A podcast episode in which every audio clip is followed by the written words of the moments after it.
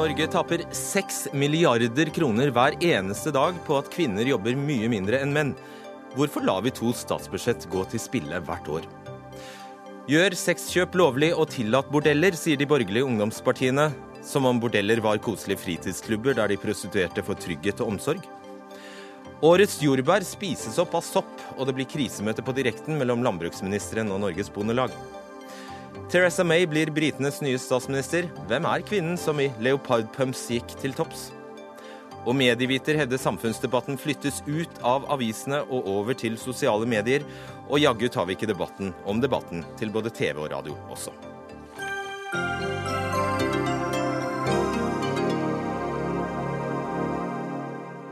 Riktig god kveld. Dette er Dagsnytt 18. Jeg heter Fredrik Solvang. Ja, likestillingen har tjent oss godt de siste 40 årene, fastslår en rapport fra Institutt for samfunnsforskning, melder Dagsavisen i dag. Hvis eh, kvinner hadde deltatt like mye i arbeidslivet i dag som i 1970 1972 det ble feil. Hvis kvinner hadde deltatt like mye i arbeidslivet i 1972 som i dag, så hadde vi tapt 3300 milliarder av bruttonasjonalprodukt. Men så er det sånn at likevel jobber 40% av kvinnene i dette landet deltid. Og det er du som har forsket på dette, Kjersti Misjem Østbakken, forsker ved Institutt for samfunnsforskning. Skrevet rapporten 'Likestilling og verdiskapning'. Noen vil kanskje si at det er uh, som å slå inn åpne dører og si at uh, bare kvinner jobber mer, så blir det mer produktivitet i uh, samfunnet. Men dere har altså kvantifisert det. Ja. Det som har vært utgangspunktet med den rapporten, da, har jo vært å sette tall på da, hvorvidt et mer, et mer, likestilt arbeidsmarked har bidratt til økonomisk vekst. Så da har vi liksom undersøkt da, hvor mye av den gjennomsnittlige årlige veksten i fastlands-BNP per innbygger i da perioden 72 til 2013, eh, som kan forklares av vekst i kvinners eh, sysselsetting. Eh, og da viser det seg jo det at 10% av vår økonomiske vekst forklares av økt bruk av arbeidskraft, og det kommer i sin helhet fra økt sysselsetting blant kvinner. Hvor lite jobbet kvinner i 1972, da? Altså, det var sånn at fra arbeidskraftsundersøkelsen fra 1972 så var det 600 000 kvinner som var sysselsatt. I 2013 var det 1,2 millioner. Men det hadde Så... vel blitt flere kvinner i alt også? Ja, det hadde det jo, selvfølgelig. ja, så, Men i prosent, da, hvis vi kan, kan, måle det i prosent? Hvor mange flere kvinner jobbet i, uh, i, i nå enn i 1970? Ja, altså, uh, Hvis ikke jeg husker helt feil, så var da uh, yrkesaktiviteten blant kvinner på rundt regna 40-45-50% på 70-tallet, mm. mens at den i dag er opp mot 80 og mer enn det. Sånn at, sånn, at, det har vært en formidabel vekst. Okay. Men som jeg, som jeg, innannonserte med her, altså hvis snur man på det, så er det altså sånn at det fremdeles er slik at kvinner jobber langt mindre enn menn i dette landet. Og der er, finnes det også tall. Eh, og der er tallet altså 2300 eh, milliarder kroner hvis kvinner hadde jobbet like mye som menn. Ja, sant? Ja. Så hvis man tar eh, eh situasjonen i økonomien sånn som den har vært, og så tenker man seg det at alle sysselsatte kvinner eh, jobber like mye som alle sysselsatte menn, altså at de utførte like mange timeverk eh, som menn, så, da, eh, så, har vi liksom en produksjonsgevinst, en potensiell produksjonsgevinst, eh, bare ved å øke da, arbeidstiden blant de som allerede er sysselsatt. Det er to statsbudsjett, det. Ja, det tror jeg. Eh, sånne milliarder og millioner og sånn er ikke min eh, største styrke. Eh, så dessverre. Men, men det, er no, det, er betydelig, altså. Rett og slett. Ja. Anniken Huitfeldt, stortingsrepresentant for Arbeiderpartiet. Du kan bekrefte at dette er et stort statsbudsjett? Sånn cirka? Ja, og noen tror at det er nesten fra naturens side at Norge er et mer likestilt samfunn. Men husk i 1962 så ga OECD ut en rapport at Norge, Spania og Portugal lå på bånn i Europa når det gjaldt kvinners yrkesdeltakelse. Så det er jo politiske vedtak som har brakt oss hit. Vi, vi har ikke kommet hit av oss sjøl. Ja, det kan jo være det at kvinner har en hang til å ville jobbe også, da. Nettopp. Økonomisk selvstendighet har vært en veldig viktig del av likestillingskampen, men ikke bare det. Husk at tidligere så var det ikke barnehageplasser. Mora mi jobba i 1972. Da var det ikke barnehageplasser. Det var ikke SFO. Det var eh, nesten ikke fødselspermisjon. Slik at hele velferdssystemet vårt er jo bygd opp slik at det er mulig å jobbe samtidig som man har hatt unger. Og her kommer vi inn på den politiske diskusjonen. Eh, fordi at Høyre har stemt stort sett imot de fleste reformer som har gjort det mulig for kvinner å kombinere jobb og arbeid. Så vi hadde ikke vært der hvis høyresida hadde fått bestemt noe. Jeg vil gjerne tinge deg til å snakke litt om, uh, ikke være fullt så tilbakeskuende, men snakke om hva, hva, du mener da skorter i dagens uh, høyrepolitikk som gjør at vi ikke kommer enda lenger. At det er et sprik på 2300 milliarder fremdeles. For det første så er det veldig mange unge fortsatt i barnehagekø. Så hvis vi hadde bygd flere barnehager, så kunne flere kvinner vært ute i jobb. For det er jo en stor forskjell på de som har små barn, og de som har eldre barn. Og den forskjellen er kanskje litt annerledes enn du tror. For de som har barn under 16 år, de jobber mer enn de som har barn over 16 år. Ikke Det er rart? Ja. Og det forteller oss noe om at det er jo et eh, generasjonsspørsmål også, om at dagens kvinner jobber mer. Men de må gjøre det enda lettere for kvinner og menn å kombinere barn og familie med jobb. Det er fortsatt langt igjen. Vi ser at det er mange som utsettes for diskriminering eh, pga. Eh, at de går ut i fødselspermisjon og pga. at de blir gravide. Så det er et stykke igjen til vi har oppnådd full likestilling. Okay, så barnehager, SFO nevnte du. Eh, vil du slenge på en kontantstøtte f.eks.? Ja, det er jo en årsak. Men det viktigste er at det er mulig å kombinere jobb og arbeid. Og da tror jeg barnehager er det aller, aller viktigste. Men også det at vi har gode SFO-ordninger. I dag så koster det jo flere, mer mange steder å ha ungene på SFO enn å ha barna i barnehage. Mm. Og det er jo et, etter min mening en behov for en stor reform der. Ålreit. Heidi Nordby Lunde, stortingsrepresentant eh, for uh, Høyre. Um, ta tak i dette som Huitfeldt uh, påpeker her, at det er nesten litt mystisk. Altså, Kvinner med barn under 16 år de jobber faktisk mer enn kvinner uten barn. Ja, eh, Det er jo mange ting som man, når man ser på statistikken for deltidskvinner, eh, eh, som man kan stusse litt på, og det er en av dem. Og jeg tror Huitfeldt har helt rett at vi kanskje ser en, et generasjonsskifte der. Nemlig det at du fortsatt har et etterslep på de som jobber deltid og velger den delen av arbeidslivet, er vår mødregenerasjon. Og i dag så betyr det noe helt annet, og det å ha mulighet til å være i jobb og ha en egen karriere og være økonomisk selvstendig. Men så tror jeg at vi, det, det hadde kledd oss alle å si at det er ikke bare politikk politikken, men også generell samfunnsutvikling som bidrar til at vi kommer dit hvor vi er i dag. Selvfølgelig så er det en symbiose gjennom utvikling og muligheter for, for kvinner, og reguleringer. Men uh, forskning har faktisk vist at det var ikke antall barnehageplasser som gjorde at kvinner kom ut i arbeid, men at kvinner gikk ut i arbeid som førte til at man fikk mere, flere barnehageplasser på 70-tallet. Og så ble det en politisk villet politikk som både Høyre og Arbeiderpartiet har stått bak.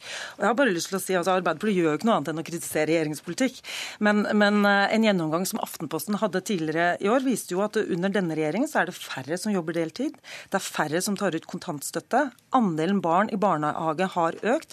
Andelen eh, kvinner som har barn og jobber heltid har økt. Og det er rundt 41% kvinner i styrene i allmennaksjeselskaper. Bare for å nevne noe. Så vi er jo på god vei. Og jeg sier ikke at det bare er denne regjeringens politikk, for mye av dette her nei, det vil være et drøyt stykke. Ja, nei, det, ja, men det er nettopp det jeg sier, at det ville vært kledelig for oss alle å faktisk da eh, vise til at det er flere ting, en symbiose av tiltak og samfunnsutvikling, som gjør at vi kommer dit hvor vi er i dag. Ok, svar på.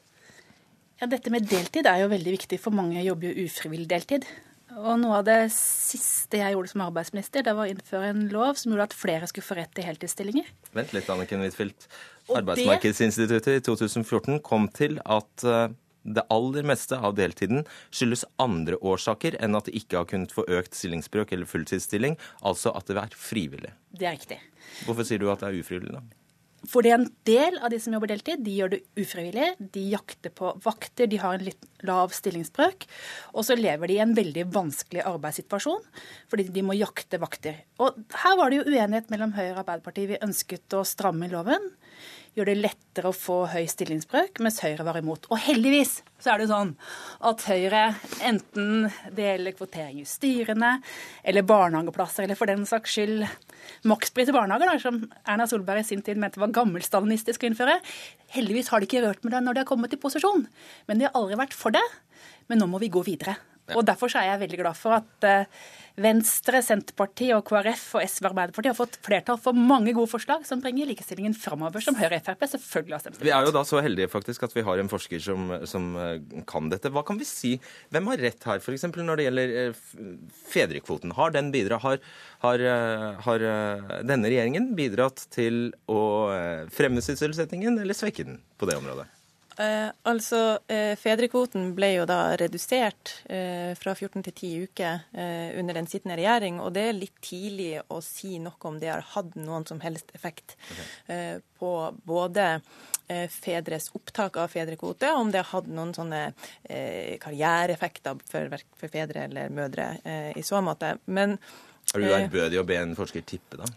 Eh, altså, eh, Jeg har ikke så veldig lyst til å tippe, men det jeg kan si, er at, at eh, den nordiske forskningen som foreligger på da, sånne effekter på eh, karriereutvikling for kvinner og menn på fedrekvote, er eh, litt sånn uklar. Den er de finner ikke de helt store eh, effektene. De er litt sånn til dels motstridende. og I den grad man finner noe, så, så mener jeg husker at det var én studie som klarte å finne da at fedre som hadde rett på ja, fedrekvote, da, støvsugde litt mer enn menn som ikke, fedre som ikke hadde rett på fedrekvote. Det er mye tid til overs. Sånn, det er klart at, men, men, det er klart at her er det forskjell på det som går på mer sånn årsakssammenhenger, og det som har med samvariasjon å gjøre. Eh, nei, ja, eh, Nordby Lunde. Ja, altså Når det gjelder pappapermisjon, så som du sier det er litt tidlig å si, men, men, ting kan jo indikere på at det er færre som tar ut da 14 uker, som noen begynte å gjøre eh, siden denne ble redusert. Det må vi være ærlige på. Men når det gjelder pappapermisjon, så kan jo faktisk fedre ta ut inntil 36 uker dersom de, de ønsker. Ja, men Debatten har jo gått på om de trenger en, lovpålagt om de trenger denne kvoten, eller, ja, denne kvoten eller ikke. Men er det virkelig to eller fire uker i pappakvoten som kommer til å gjøre noe med de underliggende forskjellene som, som fører til at vi har et så kjønnsdelt eh, eh, arbeidssamfunn eh, som vi har i Norge? Det tror ikke jeg. Vi kan godt diskutere den og være uenige om den, men jeg tror at når, når 80% av elevene som er tenåringer, velger helse- og omsorgsfag, er jenter, og 90% av de som gjelder tekniske fag, er gutter, så tror jeg det å legge inn tiltak der er mye viktigere. For at pappapermisjon blir jo bare da egentlig okay. tiltak seint på valg som de har gjort mye, mye tidligere. Eh, eh, jeg vet jeg bare har lyst til å avslutte med et spørsmål. Altså, Viser ikke denne forskningen faktisk at eh, vi har kommet dit i Norge at når økonomien For det viser jo annen forskning også, at dess mer partner tjener, altså typisk mannen tjener, dess mer er hun hjemme. Viser ikke det at vi har kommet så langt her i dette landet at nå er det økonomisk pisk som må til for å få kvinnene ut i jobb? Nei. Det er faktisk økonomisk selvstendige som får kvinner eh, ut i arbeidslivet. Okay, kvinner eh, tar mer utdannelse enn noen gang. Og det er nok en sånn myte om at nå er det en sånn eh, cupcake-generasjon av kvinner som isteden går hjem, enn som ønsker å delta i arbeidslivet, for det gir ikke forskningen noe tallmateriale til. Men det er fortsatt langt igjen. Og Det som jeg opplever at Høyre her nå gjør, det er å peke på andre utfordringer som er viktige, men så blir det et vikarierende argument for å fjerne tiltak i dag. Og jeg mener at vi kommer ikke lenger i likestilling hvis vi ikke går videre på kvotering, hvis vi ikke jobber mer systematisk med kvinner i mannsdominerte yrker, og ikke minst hvis vi jobber, og det må vi gjøre enda mer, for å få flere menn inn i barnehager og skole. Dette er blitt veldig kvinnedominerte arenaer, og skal vi få likestilling i samfunnet, så må vi gjør en stor innsats her. Ok, og jeg, prøvde, og jeg delte disse 2300 milliardene på 365 dager, og da kom jeg til at Norge, AS Norge altså går glipp av 6 milliarder ca. hver eneste dag. Nå er det sånn at eh, de eh, milliardene er akkumulert over 40 år, så uh, det vil nok være litt mindre hver dag. Ok, da. Men det er greit. Det er, det er greit. Men jeg synes at, at Anniken Huitfeldt egentlig hadde lyst til å gi henne ros for noe av det hun gjorde som, som arbeidsminister, og det var bl.a. å reise en debatt om, om, sykefravær blant kvinner. Og når vi hele tiden havner i pappapermisjon eller kontantstøtte, så er det mange ting som vi ikke får debattert, og det mener jeg er som, vi ikke får, som ikke forklarer dagens skjevheter. Sykefravær er en av dem ytelsen kontantstøtte og skatteklasse 2 gjør jo ingenting med de systematiske eh, skjevhetene. At vi ikke kom videre i den debatten fordi at vi bare henger opp i de to virkemidlene, og det er ikke nok. Jeg lover deg, dere blir eh, invitert tilbake. Takk. Anniken Huitfeldt, Heidi Nordby Lunde og Kjersti Misje Østbakken. Dagsnytt 18 alle hverdager kl 18.00 på NRK P2 og NRK2.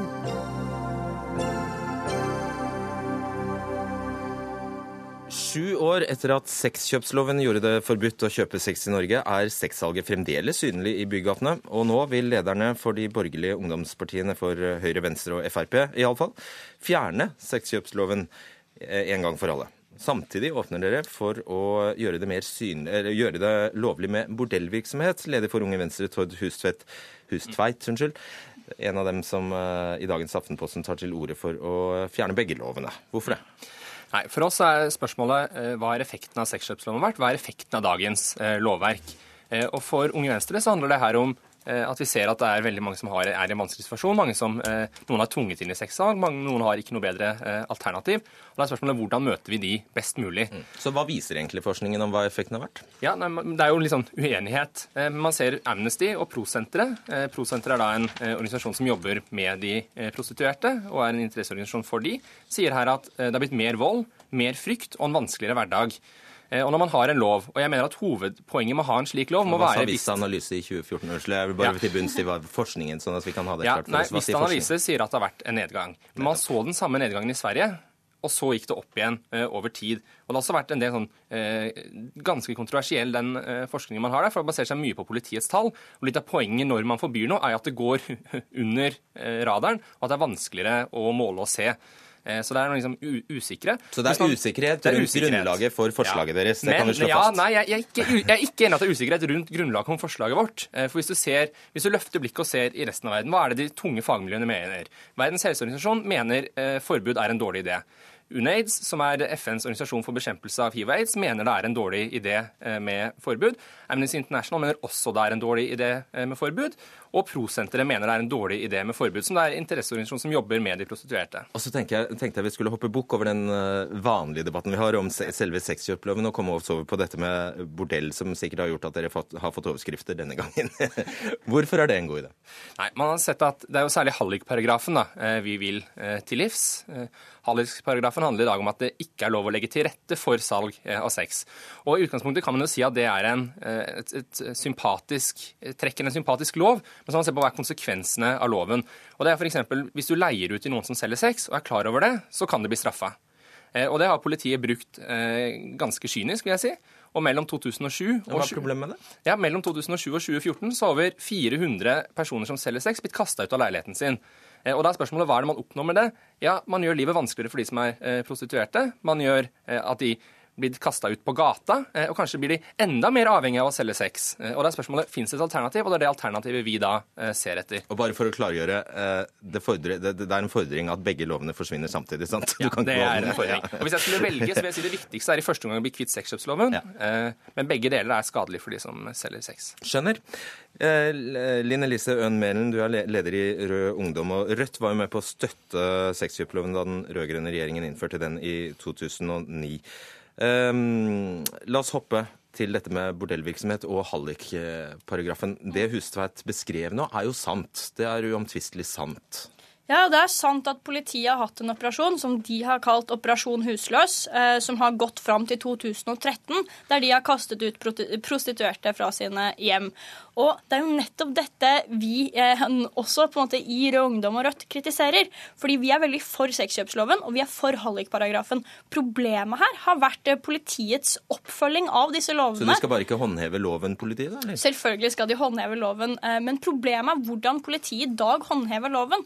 Eh, vi implementerte disse eh, reglene uten noe særlig opplæring eh, fra politiet hvordan de skulle håndheve dette, og det har ført til veldig uheldige konsekvenser, der de jager prostituerte rundt rundt eh, fra sted til sted, tar kondomer vekk fra de prostituerte, og også kaster de ut av sine hjem. Så har politiet stoppet med bl.a. operasjonen Husløs, eh, noe som er veldig bra. Og de trenger også da å få bedre opplæring i hvordan de skal bruke sexkjøpsloven, eh, samtidig selvfølgelig som vi må sette i gang en rekke andre tiltak for å gjøre det lettere for prostituerte. Svar på det. Ja, nei, det jeg synes er Litt av problemet eh, med Rød Ungdom sin argumentasjon er at de sier greit, vi skal bruke justispolitikk, men syns justispolitikk er litt kjipt. Eh, og For oss i Unge Venstre så er det sånn at hvis du har et sosialt problem, hvordan skal man da løse det sosiale problemet? Jo, det gjør det med sosialpolitikk. Eh, og Der syns jeg den rød-grønne regjeringa svikta. Jeg syns dagens regjering svikter. Jeg syns Stortinget svikter. Man må ha omskoleringsprogrammer. Hva er det som er sosialt med men da, da, da, da faller jeg litt av. Hva er det som er sosialt med bordeller? Nei, Poenget her er jo at man sier vi trenger et alternativ til dagens politikk. Eh, og så sier man greit, da skal vi Hva er det som gjør det vanskelig for eh, mange som selger sex i dag? Jo, det er hallikparagrafen. Eh, hvis du, gir, hvis du fjerner hallikparagrafen, er det f.eks. mulig å organisere seg. Man kan ha et kollektiv eh, hvor man da kan passe på hverandre. Eh, hvis det kommer voldelige kunder, man noen, kan man ringe til noen. Hvis man i dag har noen som lover å passe på eh, noen som selger sex, så er de halliker. Eh, ja, nå beskrev du et bordell. Ja. ja du, men du får det jo til å høres ut som SFO. Nei, er, Poenget er dette her er ikke en god bransje, men lovgivningen gjør det enda verre. Og da burde man heller sett på sosialpolitikk som omskolering, eh, som eh, arbeidsmuligheter. Og så er det en ting som er, sexmarkedet i Norge har endra seg. Eh, før var det mange norske som solgte sex. Nå kommer det veldig mange gjennom menneskesmugling fra utviklingsland. Og Når man da bruker justispolitikk, så gjør man at de har enda høyere terskel. De har allerede en høy terskel, men terskelen enda høyere for å henvende seg til norske myndigheter. Og Melen, Det er jo helt logisk at når eh, loven sørger for at det må finnes en eh, Eller, at, at, eller så lenge det finnes en tredjepart, la meg si det sånn, altså en, en hallik, så vil jo denne tredjeparten selvfølgelig eh, ta seg godt betalt, fordi det medfører en risiko å være hallik når loven er så streng. Eh, og da har du jo du egentlig bare skapt et marked som kan føre til langt verre, som kan føre til virkelig ille ting, menneskehandel osv. Ja, fordi Tord sa hva er det som er vanskelig med å selge sex i dag? Og det er jo nettopp det at veldig mange av de som selger sex, er jo utsatt for menneskehandel eller eh, migrasjonsrelatert prostitusjon. Det at man enten eh, fysisk blir tvunget eller føler at man har eh, altså må tvinges da ut i prostitusjon. Og det er jo dette som er det store problemet med prostitusjon. Fordi hvem er det som skal jobbe på disse bordellene dine? Det er, som du sa selv, oppimot 90% av de som er prostituerte i Norge i dag, kommer fra utenlandet. Dette er kvinner som gjør det under eh, stor eller liten grad av tvang. Og det å bare få det inn på et bordell kommer ikke til å løse noen av problemene. Hvis man ser til Tyskland, der man har hatt lovlige bordeller i ganske mange år nå, så er det ganske store problemer knyttet til bordellene i Tyskland. Man har bl.a. Eh, store markeder som, er, eh, som tilbyr liksom drøyere ting enn det man gjør på de lovlige bordellene. Okay. Eh, man har store problemer med narkotikapolitikk. Og man ser nå i Tyskland til en slags nordisk modell, for de er nå interessert i å regulere sitt prostitusjonsmarked. Og det er vel ikke mors beste barn som fre frekventerer bordeller, Hustveit? Og mitt poeng er, er jo ikke at bordeller er noe bra men det er at det er noe som skjer i dag. Og så spørsmålet noe skjer i dag. Hvordan skal vi forholde oss til det? Vi har et lovverk. Vi ser lovverket har negative konsekvenser. Skal vi da ha mer av det som ikke virker, eller skal vi prøve noe nytt? Og så tror jeg det er noen områder her som vi kan være enige om. Det er viktig å ta bakmenn. Men hvordan tar man bakmenn? Tar man bakmenn gjennom å innføre lovverk som eh, gjør livet vanskeligere for de som eh, i dag eh, må selge sex? Eller tar man bakmenn med å innføre eh, lovverk som sier det er forbudt med menneskesmugling, det er forbudt å tvinge noen til å selge sex? Og så vil jeg så utfordre Linn Elise litt, for eh, det her er internasjonale, det er grove internasjonale eh, organisasjoner som smugler jenter og for så vidt også gutter til Europa for å selge sex. Og Da må vi gjøre det gjennom internasjonalt samarbeid, f.eks. gjennom EU, som nå har et program i gang.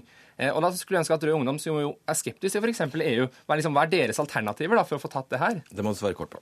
Ja, eh, jeg syns jo man skal gjøre mye for å bekjempe prostitusjon. Og det er jo flere internasjonale organisasjoner eh, som jobber for prostituertes eh, eh som, som, er tidligere prostituerte, som jobber eh, for eller kvinner i prostitusjon, bl.a. Space International, som har drevet av tidligere prostituerte, som mener at løsningen vi har i Norge, er riktig. Amnesty i Sverige er f.eks. også mot eh, en slik løsning som Amnesty International har gått inn for. Eh, og det er jo bl.a. på bakgrunn av at det du snakker om, da, at det ikke har hatt noe effekt, det er feil. For Vista-rapporten, selv om den også har mangler, eh, sier at både etterspørselen etter prostituerte har gått ned, og kundene, altså markedet, har gått ned generelt, og at holdningene til folk som kjøper prostitusjon har endret seg. Og dette må jo være noe av løsningen. fordi det er jo sånn at når man får ned etterspørselen, man faktisk kan endre det. Eh, ti sekunder. Nei, man ser at Holdningene har vært endra eh, mange steder. og så ser man at eh, Den lovgivningen vi har nå, ført til mer vold, mer frykt og en vanskeligere hverdag for prostituerte. Og Da mener jeg at da kan vi ikke ha den lovgivningen sånn den ligger i dag. Det må bli punktum. Sorry. Takk skal dere ha, Line Lise Mellen og Tord Husveit.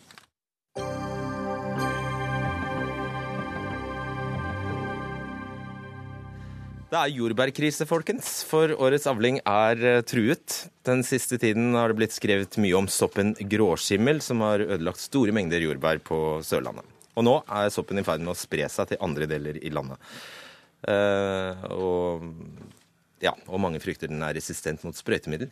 Nå krever Norges Bondelag erstatningsordninger for å dekke tapet, men Senterpartiet anser situasjonen for så prekær at den fordrer en tiltakspakke. Landbruksminister Jon Georg Dale fra Fremskrittspartiet, forklar, hva er det som skjer med de norske jordbærene? Nei, det, Dette er jo en uh, soppinfeksjon uh, som gjør at uh, deler av avlinga går ut av drift. og Det er naturligvis krevende for de bøndene som opplever det. Og det er synd for en del forbrukere som ikke får så mye jordbær i butikkhyllene som vi skulle ønske oss, men det er likevel en del av de variasjonene vi ser mellom år, at slikt kan skje. Kan du mye om denne soppen? Jeg kan ikke alt om, i detalj om denne soppen, nei, det kan jeg ikke. Men jeg har jo sett eh, virkningene den har på de store avlingene som, eh, som de nå sliter med, spesielt på Sørlandet. Ja. Forklar for oss, eh, Brita Skallerud, andre nestleder i Norges Bondelag. Hva er, det denne, hva er det som er spesielt med akkurat denne soppen? Nei, altså Dette er jo en gråskimmel som, som gjør at bæra råtner. Eh, og at man da ikke får den ut i markedet. Og det er en veldig alvorlig situasjon for de det gjelder. Eh, og det er en alvorlig situasjon for eh, jordbærmarkedet i Norge, som jo er en veldig kort sesong, som er veldig viktig, og som folk er veldig glad i, og den norske forbrukeren gjerne vil ha. Eh, så det er en veldig sånn ekstraordinær situasjon, for det pleier ikke å ha sånne soppangrep. Altså Man har alltid et visst soppangrep i jordbær. Men i den grad, altså i den uh, enorme uh, utviklinga som vi har nå, ja, det er veldig spesielt. Obama sier nå at uh, opptil 40 av avlingene kan gå tapt, og det sprer seg nå videre utover landet. Fra Sørlandet og oppover mot Liertraktene, og det går oppover mot kysten. Så det er veldig alvorlig for norsk jordbær. Og det er ikke bare for denne sesongen, fordi at dette kan gjøre også at den økonomiske situasjonen for den enkelte produsent blir så tøff at man rett og slett ikke har økonomiske muskler til å stå det her av, og til at man kanskje heller ikke blir noe norsk jordbær neste år. Mm. Og det er da Senterpartiet kaller jordbæren eh, for en uh, nasjonalskatt? Ja, det er jo det. Og vi, alle norske forbrukere ønsker norsk jordbær. Vi merker jo forskjell på det. Altså, det er Åh, jeg syns det er kjempedeilig å spise norsk jordbær. det er det. det er det. Og det må du jo redde, Dale. Ja, men eh, jeg tror det er viktig at vi ikke tar alle sorgene på forskudd. Eh, det er en krevende situasjon for de produsentene som nå musser en del av avlinga si. Men å frykte varig for den norske jordbærproduksjonen, det mener jeg å lage et skremmebilde vi ikke per nå har grunnlag for, enten det er Bondelaget som gjør det, eller det er Senterpartiet som gjør det. Ja, men Hvis de har vært ute og telt, og det er snakk om 40 av avlingene, så er det dramatisk. Ja, det, det, er korrekt, men det er også mellom år varierer avlingene i stor grad. Enten det er jordbærproduksjon, det er frukt og bær for øvrig, eller det er kornproduksjonen, så er det naturlige variasjoner i avlingene. Så 40% ser ut til å gå ut av drift av årets avling. Nå gjenstår det å se hvordan det sprer seg, og så er det en alvorlig alvorlig situasjon hvis vi faktisk havner i en situasjon der vi ikke har plantevernmiddel som håndterer dette, nemlig resistensdiskusjonen. Den er relevant, og den følger vi tett, og vurderer eventuelle tiltak løpende. Men det kravet som ligger her forut for, eller før det, det er erstatning. Hva har du tenkt å svare på det? Til det jeg tenkt svare at I utgangspunktet så er det erstatning for jordbærprodusentene dersom det er klimaskade. Det er en eh, naturlig del, fordi at vi har gjort, laga en jordbruksavtale som gir erstatning for det. Men det har ikke vært prioritert fra verken statens eller Bondelagets side en erstatningsordning for denne type utbrudd, og derfor er det heller ikke naturlig at det kommer nå. Så skal vi huske på at bøndene er selvstendig næringsdrivende. Det er risiko i å drive avling, på samme måte som alle annen produksjon er det. Det er risiko ved bortfall av marked.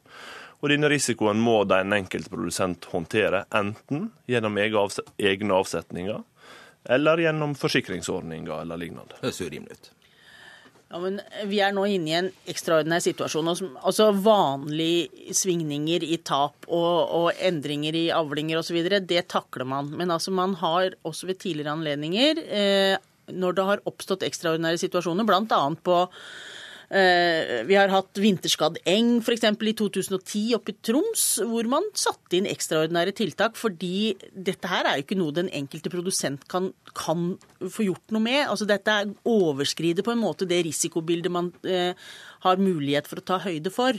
Og Det er da man kommer inn for å uh, få hjelp til ekstraordinære tiltak. Og Det er jo det vi i samarbeid må sette oss ned og finne en løsning på. Og som også politisk, nå, ja, men politisk ledelse må også være med på å finne løsninger som, som kan hjelpe denne alvorlige situasjonen. Ok, Men en ekstra, ekstra skatt når det er ekstra gode avlinger, da?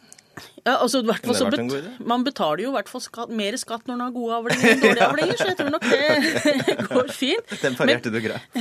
men, men, det som er jo er her, er at det er en ekstrem situasjon. Ja. Eh, og man krever politisk vilje for å, å, gjøre opp i det her sånn. Og det, den enkelte produsent er uforskyldt i det her. Altså. altså. Det går langt utover den enkeltes vanlige risiko. Det er definitivt slik at det er betydelige utfordringer for de enkeltprodusentene som opplever dette. Men så er det heller ikke alle som gjør det. Og det, I denne diskusjonen om hvordan dette vil utvikle seg videre, så handler det om at de, de plantevernmidlene vi har, må vi bruke rett, i rett mengde og på rett tid. Og Hvis du ikke gjør det, så kan det utvikle seg resistensutfordringer. Hva Legger du skylda på bøndene? Nei, men det, nei, men det er ikke slik at uh, den, den enkelte bonde ikke til en viss grad kan påvirke risiko for resistensutvikling. Jeg sier ikke at det kan påvirke direkte avlingstap fra et år til et annet. Men så er det da sånn at vi har sittet nå for et par måneder siden, det mindre enn en måned siden og forhandla, det mindre enn en måned siden Stortinget vedtok en jordbruksavtale. Der var de, dette ikke adressert uh, fra jordbrukets side. Men det er altså ikke sånn at en først kan gjøre de prioriteringene en mener er rett, når en sitter og forhandler om posisjoner.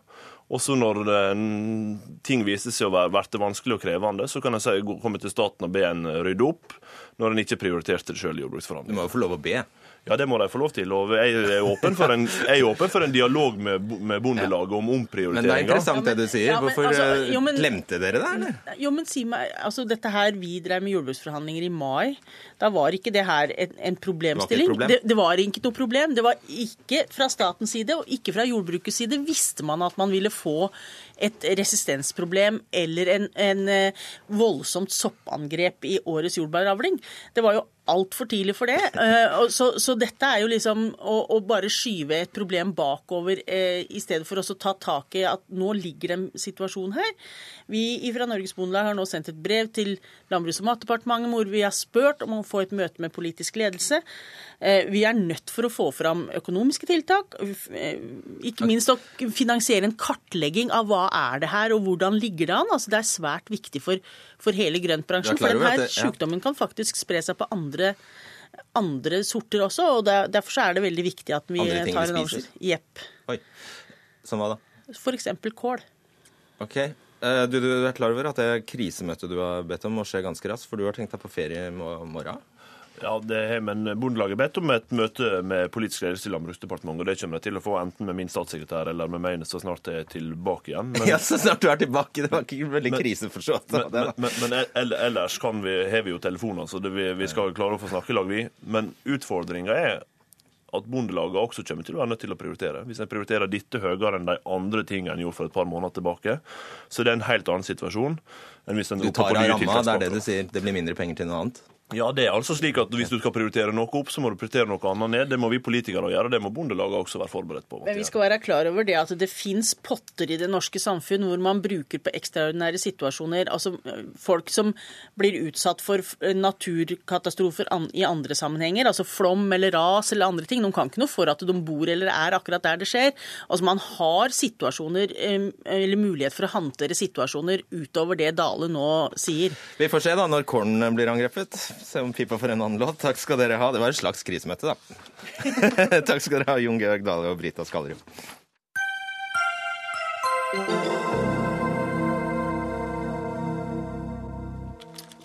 For selv om jordbærkrise er eh, alvorlig, skal vi nå snakke om noe som er eh, langt mer eh, alvorlig, må vi kunne si. Siden torsdag har kampene herjet i Sør-Sudans hovedstad Juba. Fem år etter at Sør-Sudan ble et selvstendig land, har konflikten mellom regjeringslojale styrker og opposisjonsstyrker blusset opp, og regjeringskontoret melder om 270 drepte. Vi skal først til deg, Maren Sebø, frilansjournalist og historiker. Du er i Juba og for så vidt strandet der fordi du kommer deg ikke av gårde. Venter på at flyplassen skal åpne, har jeg skjønt. Eh, hva er det du har sett de siste dagene?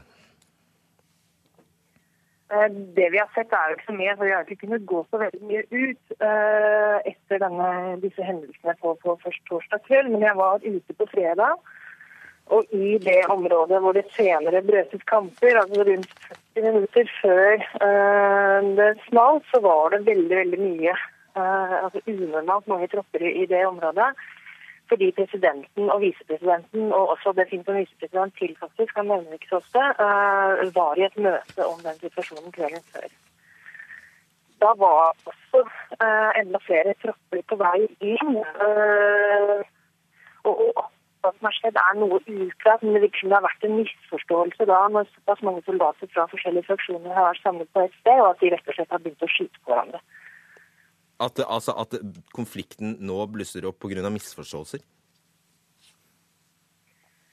Det kan man si, men, men samtidig så, så, er det jo noe forutsigbart når, når, du legger to uh, som, som, ikke tåler synet på hverandre, og, og som har uh, brukt ganske stygge metoder de siste årene, uh, i forlegninger. Uh, med sine våpen i en by. Altså to hærer som ikke er spesielt altså, Det virker som de er spesielt glad for den fredsavtalen, og heller ikke latt seg desarmere, Uh, så er det jo ofte et, spørsmål om tid før, før uh, noen eh, trekker av først, og, og, og, de rett og slett braker sammen. Ja, Det er ikke særlig god linje til deg, Maren, så jeg har lyst til å bare stille deg et spørsmål, siden vi har utenriksministeren i studio her.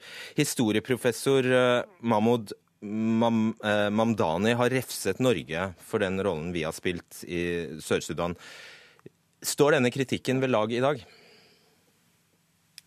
Det gjør den nok, og, og, kanskje enda mer. Altså, det, det uh, Mandani sier, er jo at det er dårlig forankring nedover. Uh, uh, altså både i forhold til da, den fredsavtalen med Khartoum i 2005, den prosessen mellom 2005 og 2011. Og antageligvis da også den fredsavtalen som, som, som ble inngått med hjelp av norske diplomater i, i august 2015. Hva er, det, hva er det den kritikken går på, hvis du kan bare si det litt kort? Nei, rett og slett at det er dårlig forankring i, i, i befolkningen. Altså, man, man, har gitt SPLA, latt SPLA, eh, og, og, da også SPLM, da, som på en måte er den politiske delen, men egentlig er det samme, eh, latt de eh, representere Sudans befolkning uten at det er noen, noen stor forenkling nedover, og, og, sånn sett også gjort de mektigere. uten at man, man, har klart å, å, å, få dem til å, å på en måte demokratisere sin egen bevegelse. Alright. Uh, og det, helt på tampen, Maren, hva, hva gjør du der? Hva, skal, hva, var det du skulle gjøre der? Jeg skulle skrive om uavhengigheten, og at det var store spørsmål om denne fredsavtalen ville holde. Uh, nå, nå, er det jo ikke noe gøy å få rett, uh, men, men det er fortsatt mye å skrive om der. Takk skal du ha, Maren Sebe. Utenriksminister Børge Brende fra Høyre. Um, dette var Er det overraskende, vil du si, det som skjer nå? Det er i hvert fall veldig skuffende og svært uh, alvorlig. Den fredsavtalen har vært uh, svært uh, skjør. Vi må huske at presidenten og visepresidenten, som representerer også to ulike etniske grupperinger, Eh, de har siden desember 2013 ligget i en alvorlig konflikt og med enorme humanitære eh, konsekvenser eh, av den konflikten. Man har forsøkt å få det til å komme til enighet i over to år. Og det var aldri noe tvil om at den enigheten var meget skjør. Men det spørsmålet man alltid må stille seg, hadde det vært bedre hvis man ikke hadde gjort noe. Mm. Men til kritikken som, eh, som, eh, vi hører gjennom eh, Sebu, som altså egentlig kommer fra en Mahmoud Mamdani, om at Norge bl.a. forserte, eller var med på å, å, å, altså en prosess med dårlig forankring. Og Da snakker vi jo tilbake til altså 2005, da det var folkeavstemning som forutsigbart nok endte med et stort eller rungende ja for løsrivelse eller selvstendighet. Jeg tror eh, man eh, skal være forsiktig med eh, å male med sort eller hvitt her. Det som var bakteppet i 2005, som jeg ikke var en del av, var jo at man hadde den lengstvarende konflikten i Afrikas historie mellom Khartoum, altså det som i dag er Sudan, og disse grupperingene i det som er Sør-Sudan. Og uh, hundretusenvis av mennesker var drept, og man ønska en løsrivelse. Uh, den uh, prosessen forsøkte Norge å bidra i, og for å få slutt på den konflikten. Jeg tror det er veldig enkelt i dag å si at det burde man ikke. Altså Kostnaden ved å gjøre noe tror jeg var høyere. Men man må kunne stille spørsmålet? Absolutt. Ja. Jeg bare sier at uh, jeg tror ikke det finnes noe enkelt svar på det. Det som var viktig den gangen, var å få slutt på den lengstvarende borgerkrigen i um, Afrika, på hele kontinentet, med enorme humanitære konsekvenser. Når landet først fikk sin selvstendighet i 2011, så tror jeg at man nå i ettertid kan si at man burde ha forutsatt, eller satt som forutsetning, avvæpning i større grad. Man burde ha gjort disse soldatene gitt de en annen mulighet enn å være soldater. Nettopp. Øystein Rolandsen, du er seniorforsker ved PRIO. Som Brende er inne på her, dette er jo ikke nytt, har pågått siden 2013. Men hva er det som har skjedd, hva er det som har skjedd nå? Nei, altså Det som har skjedd nå, er jo at det har vært en opptrapping av volden i Sør-Sudan i de siste dagene. Som også ble rapportert fra Juba. Det, har, det har jo da vært en borgerkrig som har pågått siden desember 2013. Og som man da fikk en fredsavtale med, først og fremst fasilitert av de afrikanske landene i august i fjor. Og man fikk en samlingsregjering med opprørslederen Riek Mashar og president Salwa Kiir, hvor Riek Mashar igjen ble innsatt som visepresident, som han hadde vært tidligere. Så man kom tilbake til den situasjonen som var før borgerkrigen. Men det som også ble påpekt av Maren Sæberson, var at man da brakte også inn soldater eh, i Juba og også i områdene rundt. Så dette her har vært en uh, kruttønne siden den sam samlingsregjeringen ble danna. Og så ser man nå også at det har pga. den økonomiske krisa i Sør-Sudan altså Hele statsdannelsen Sør-Sudan har vært bygd på ideen om en oljeinntekt. Stor oljeinntekt som nå har falt bort. Og da detter det politiske limet i Sør-Sudan fra hverandre også. Du får bander av uh, tidligere regjeringssoldater som går rundt sannsynligvis ganske mye på egen hånd uh, og plyndrer og dreper. Og Det er det som nå er det store problemet, at hele staten kan gå opp i liminga. Og det og Noe av problemet er at de får rett og slett ikke oljen ut fordi den må gjennom Sudan. Det er pris, fallet i oljeinntekter som har vært, eller prisen på olje som har vært det store problemet. Altså I 2011 så lå den jo på rundt 100 dollar fatet. Nå er den nede i rundt 50 dollar. og Det betyr at Sør-Sudan tjener ingen penger. Mm. De setter seg i gjeld. Og de har selvfølgelig hatt dette store problemet gjennom en lengre periode nå. Hva skal det internasjonale samfunnet gjøre? Først bare to ord om dette oljeinntektene. Et tilleggsproblem har jo vært at de ikke har kommet folket til gode. De politiske lederne kan ikke redegjøre for hvor det har blitt av alle de oljeinntektene. Det har ikke blitt investert i skoler, utdanning, helse og veier. Det internasjonale samfunn. Sikkerhetsrådet tok jo sterk avstand fra det som skjer i går, og fordømte det. I ettermiddag så skal disse stats- og regjeringssjefene i de omkringliggende landene, altså de såkalte IGAD-landene, møtes i Addis. Vi har sendt vår spesialutsending ned til Addis. Og president Salwa Kiir har i ettermiddag sagt at nå må man etterleve både fredsavtalen og ikke minst så må man etterleve våpenhvilen. Det jeg håper på, er jo at Salwa Kiir og Riek Machar, som er visepresidenten, har såpass kontroll på sine tropper at de greier å få de til å etterleve en slik våpenhvile. For hvis ikke, så kan dette komme ut av kontroll, og Juba kan bli et enda farligere sted å være. Ja, og Det er vel egentlig det vi hører forlydender om nå, at de har mistet kontrollen. og Da, er det, da er det, står man da igjen med en etnisk konflikt mellom nuber... Hva er det de, altså de heter? Dinka, Unnskyld. Ja. Eh, ikke nødvendigvis. altså Dette sånn, er mer militære grupperinger eh, som har lojalitet til sine umiddelbare overordnede.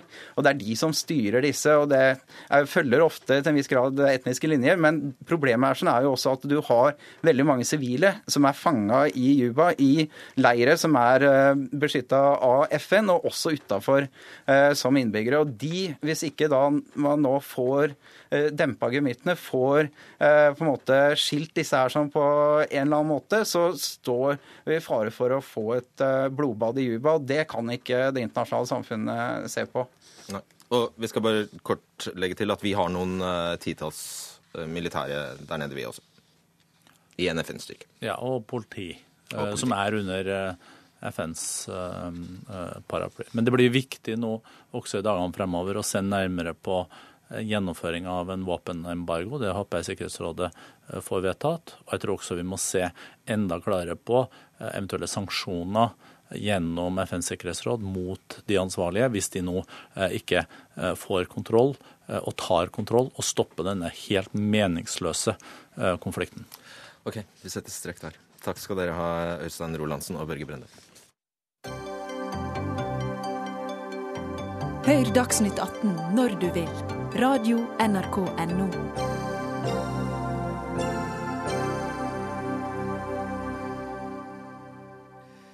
I dag trakk eh, Andrea Leeson seg fra lederkampen i det konservative partiet i Storbritannia. Og dermed blir innenriksminister Theresa May britenes nye statsminister og en av verdens mektigste kvinner.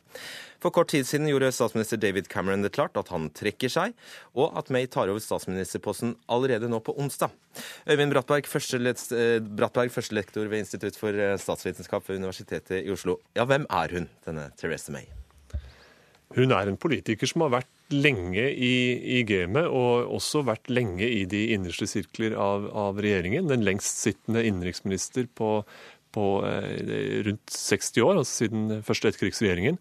Likevel så er hun ikke noen veldig kjent person i offentligheten, og det har nok å gjøre med at hun har eh, unngått kontroverser og er en, en, eh, en, stødig politiker og på mange måter kontinuitetsalternativet etter Cameron. Og Hvis jeg skulle tvinge deg til å sammenligne med noen vi kjenner?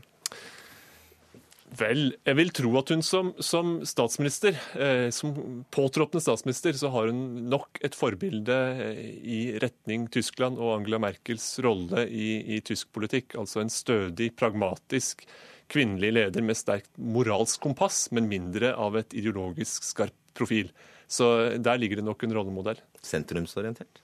Sentrumsorientert, absolutt. Og det er jo, altså det er jo på et vis et um, Eh, det er jo et resultat av en voldsom konflikt internt i det konservative partiet mellom to fløyer som har kjempet eh, om, om eh, brexit-spørsmålet. Nå ender man på det som ser ut som en kompromisskandidat for alle, for alle fløyer. Hun var riktignok på remain-siden, ønsket å forbli i EU, men lå veldig lavt. Og har i det hele tatt få uvenner. Vi skal høre hvor tydelig hun er nettopp på at Storbritannia skal ut. First, our country needs strong, proven leadership to steer us through this time of economic and political uncertainty and to negotiate the best deal for Britain as we leave the EU. The only surprise is that there's so much surprise in Westminster about the public's appetite for change. And make no mistake, the referendum was a vote to leave the European Union, but it was also a vote for serious change. There are politicians, democratically elected politicians, who seriously suggest that the government should find a way of ignoring the referendum result and keeping Britain inside the European Union. Brexit means Brexit, and we're going to make a success of it. Brattberg, hvordan er det mulig å manøvrere på den altså, Hun var altså for eh, å bli i unionen i, i, EU, men greier altså å bli Storbritannias nye statsminister etter å ha tapt en folkeavstemning. Mhm. Hvordan er det mulig? Det er i det hele tatt mye som er mulig i, i, London om dagen, og det inkluderer også kalenderen, fordi det var jo forventet en lengre tvekamp før en ny leder kunne utnevnes. Det er mulig fordi hun ble den minst uh, utenkelige, på et vis. Altså hun ble den minst uholdbare løsningen, etter hvert som andre falt fra. Og, og den som, uh, på et vis, etter at andre faller fra på eliminasjonsmetoden, så står Theresa May tilbake. Har hun kalkulert med dette? Det finnes jo de som mener at hun har hatt en, en, en plan med å, å, å stå så, eh, såpass i skyggene i den store debatten som har vært forut for folkeavstemningen. Det er det vel kun eh, hun selv som, eh, som, vet, men det er et, et, paradoks, det er det. Ja, Men hun har ligget nokså lavt i terrenget i, i, saken? Det har hun, og det er et paradoks fordi eh, hennes felt, altså som innenriksminister, det som angår justisfeltet, innvandringsfeltet spesielt, og, og det strafferettslige, er jo sentrale eh, aspekter ved europeisk europeiske samarbeidet. Eh, og på, det, på det, den måten så er det påfallende at hun har stått så eh, på sidelinjen. Før vi tar en liten titt eh, på andre siden av, av parlamentet, så bare to ord om hvor usedvanlig det er det som har skjedd i britisk politikk de siste dagene. Jeg er en, en, ung mann og har ikke historien på, på, min side, men det er jo altså med utgangspunkt i de siste tiårene, er, er et uh, fullstendig eksepsjonelt. Og, og, og, nettopp det at, at, man ikke har visst hva som venter rundt neste sving, det synliggjøres jo nå fordi man hele tiden dukker opp med et nyhetsbilde hver dag som er forskjellig fra det forrige. Ikke sant. Og så la oss snakke om Angela Eagle, som da altså eh, lanserte sitt kandidatur til toppjobben i Labour i konkurranse med Jeremy Corbyn. Uh, er det sannsynlig at hun kan overta? Nå gjenstår det å se hva, hva, sentralstyret i Labour vil si i morgen om eh, Jeremy Corbyns eget kandidatur for å gjenvelges. Han har havnet i den eh, fullstendige eh, bisarre situasjonen på mange vis at han mangler fullstendig støtte i egen parlamentsgruppe. Samtidig som han har tilstrekkelig støtte blant partiets vanlige lekfolk, medlemmer, til at han har et mandat for å bli sittende. Men hun Igel gjør dette her fordi hun altså har en viss støtte i den samme gruppa? Hun gjør det eh, fordi hun har en viss støtte, og fordi hun er den som har våget å stikke hodet frem. Det har vært veldig mye eh, frem og tilbake før man eh, har på en måte vært villig til å, å sette i gang denne prosessen. Og om vedtektene tillater at han da Er det det som er spørsmålet nå? Om vedtektene tillater at Corbyn stiller til gjenvalg? Ja. Så det kan du, altså Oversatt til en norsk sammenheng så ville det vært en, en partileder som blir, blir forsøkt kastet av egen stortingsgruppe hvorpå det er et spørsmål om, om eh, vedkommende da kan, kan, stille til et gjenvalg som partileder og parlamentarisk leder og statsministerkandidat og det hele ved hjelp av partiets medlemmer. Ja, men da er det fremdeles partiets medlemmer som skal bestemme. Til syvende og sist er det partiets medlemmer som bestemmer. Tusen takk skal du ha, Øyvind Brattberg. Takk skal du ha.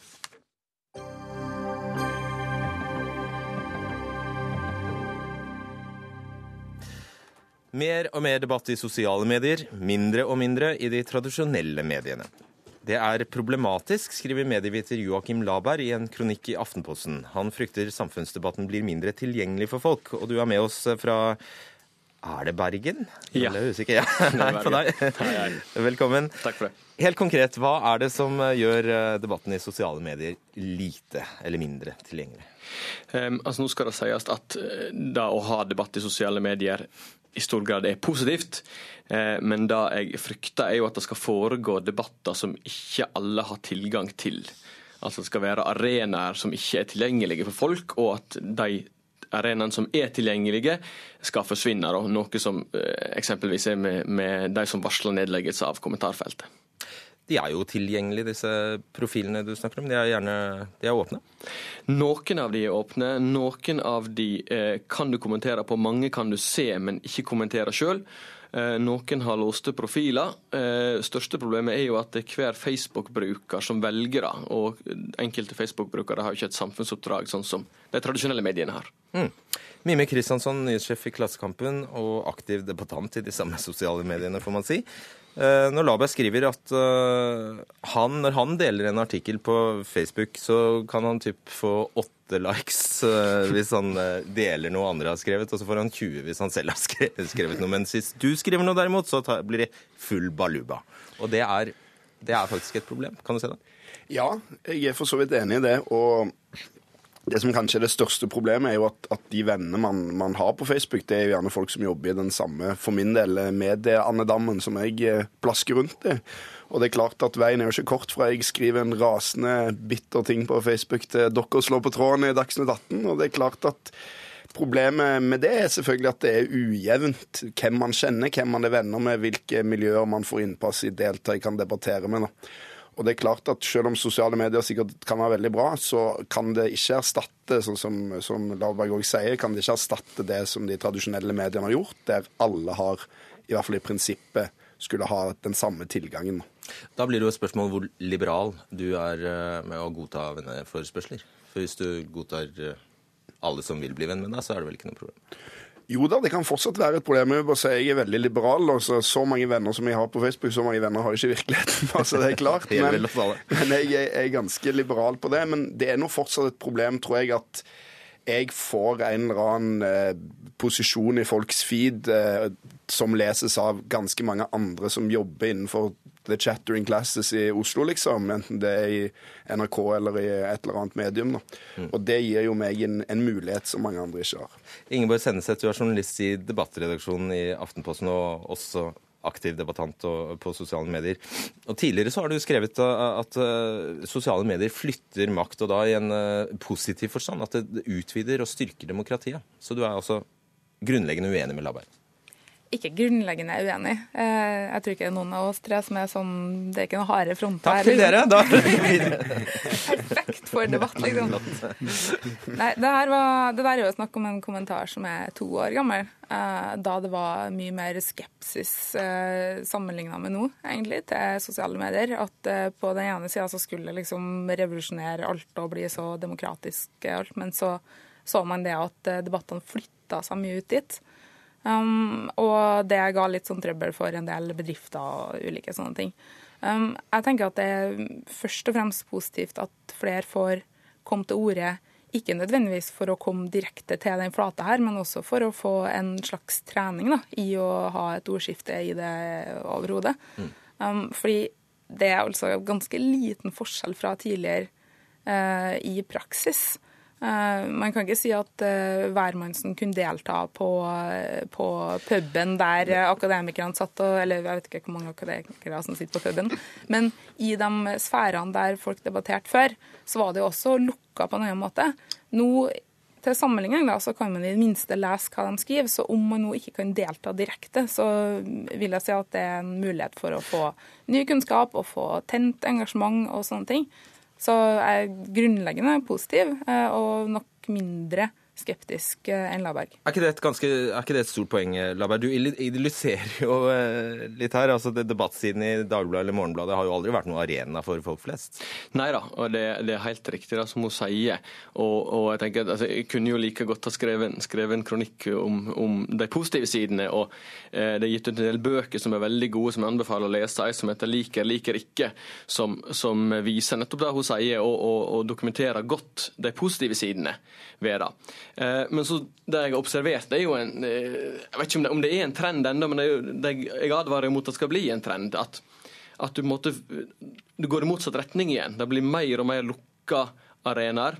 Um, og de åpne forsvinner. Altså de arenaene som har vært åpne og vært en positiv del av de sosiale mediene. Som hva, hva snakker du om? Ja, hva, gi, gi konkrete eksempler på det, for det er litt vanskelig å forstå. Ja, um, altså hvis kommentarfeltet for eksempel, har jo fått veldig mye kritikk, men når en har forska på det, så har en funnet ut at det er ikke så ille, altså, det er ikke så ille som det en kan få inntrykk av. Eh, det er ikke så ekstremt som en kan få inntrykk av. Um, og uh, det, er, det, er, på, en en, en, på mange måter en positiv ting, fordi det slipper inn stemmer som ikke er andre steder, i hvert fall ikke synlige andre steder. Mm. Og Kristiansson, trollene har jo sørget for å stenge ned disse kommentarfeltene. Ja, og det er veldig, veldig synd at det er blitt sånn. For akkurat som Laberg sier, så var de kommentarfeltene et, en arena for mennesker som veldig tydelig hadde en opplevelse av at de ikke ble hørt, at meningene deres ikke kom fram. Enten det var innbilt eller, eller, reelt.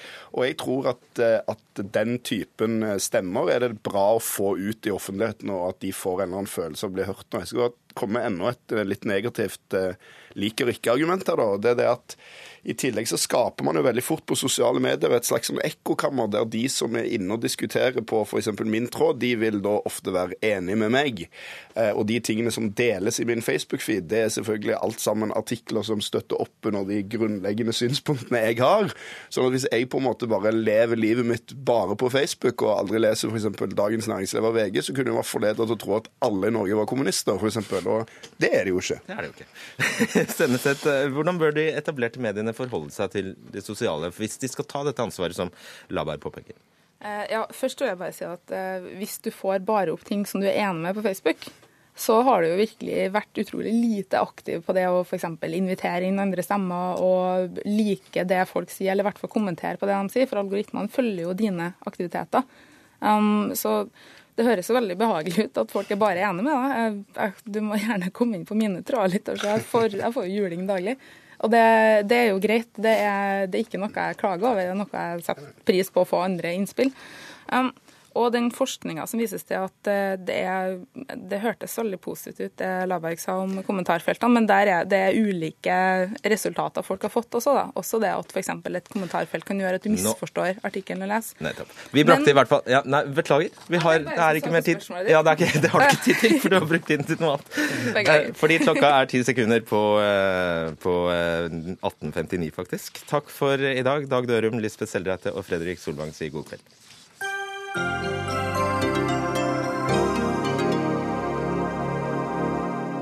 Hør flere podkaster på nrk.no podkast.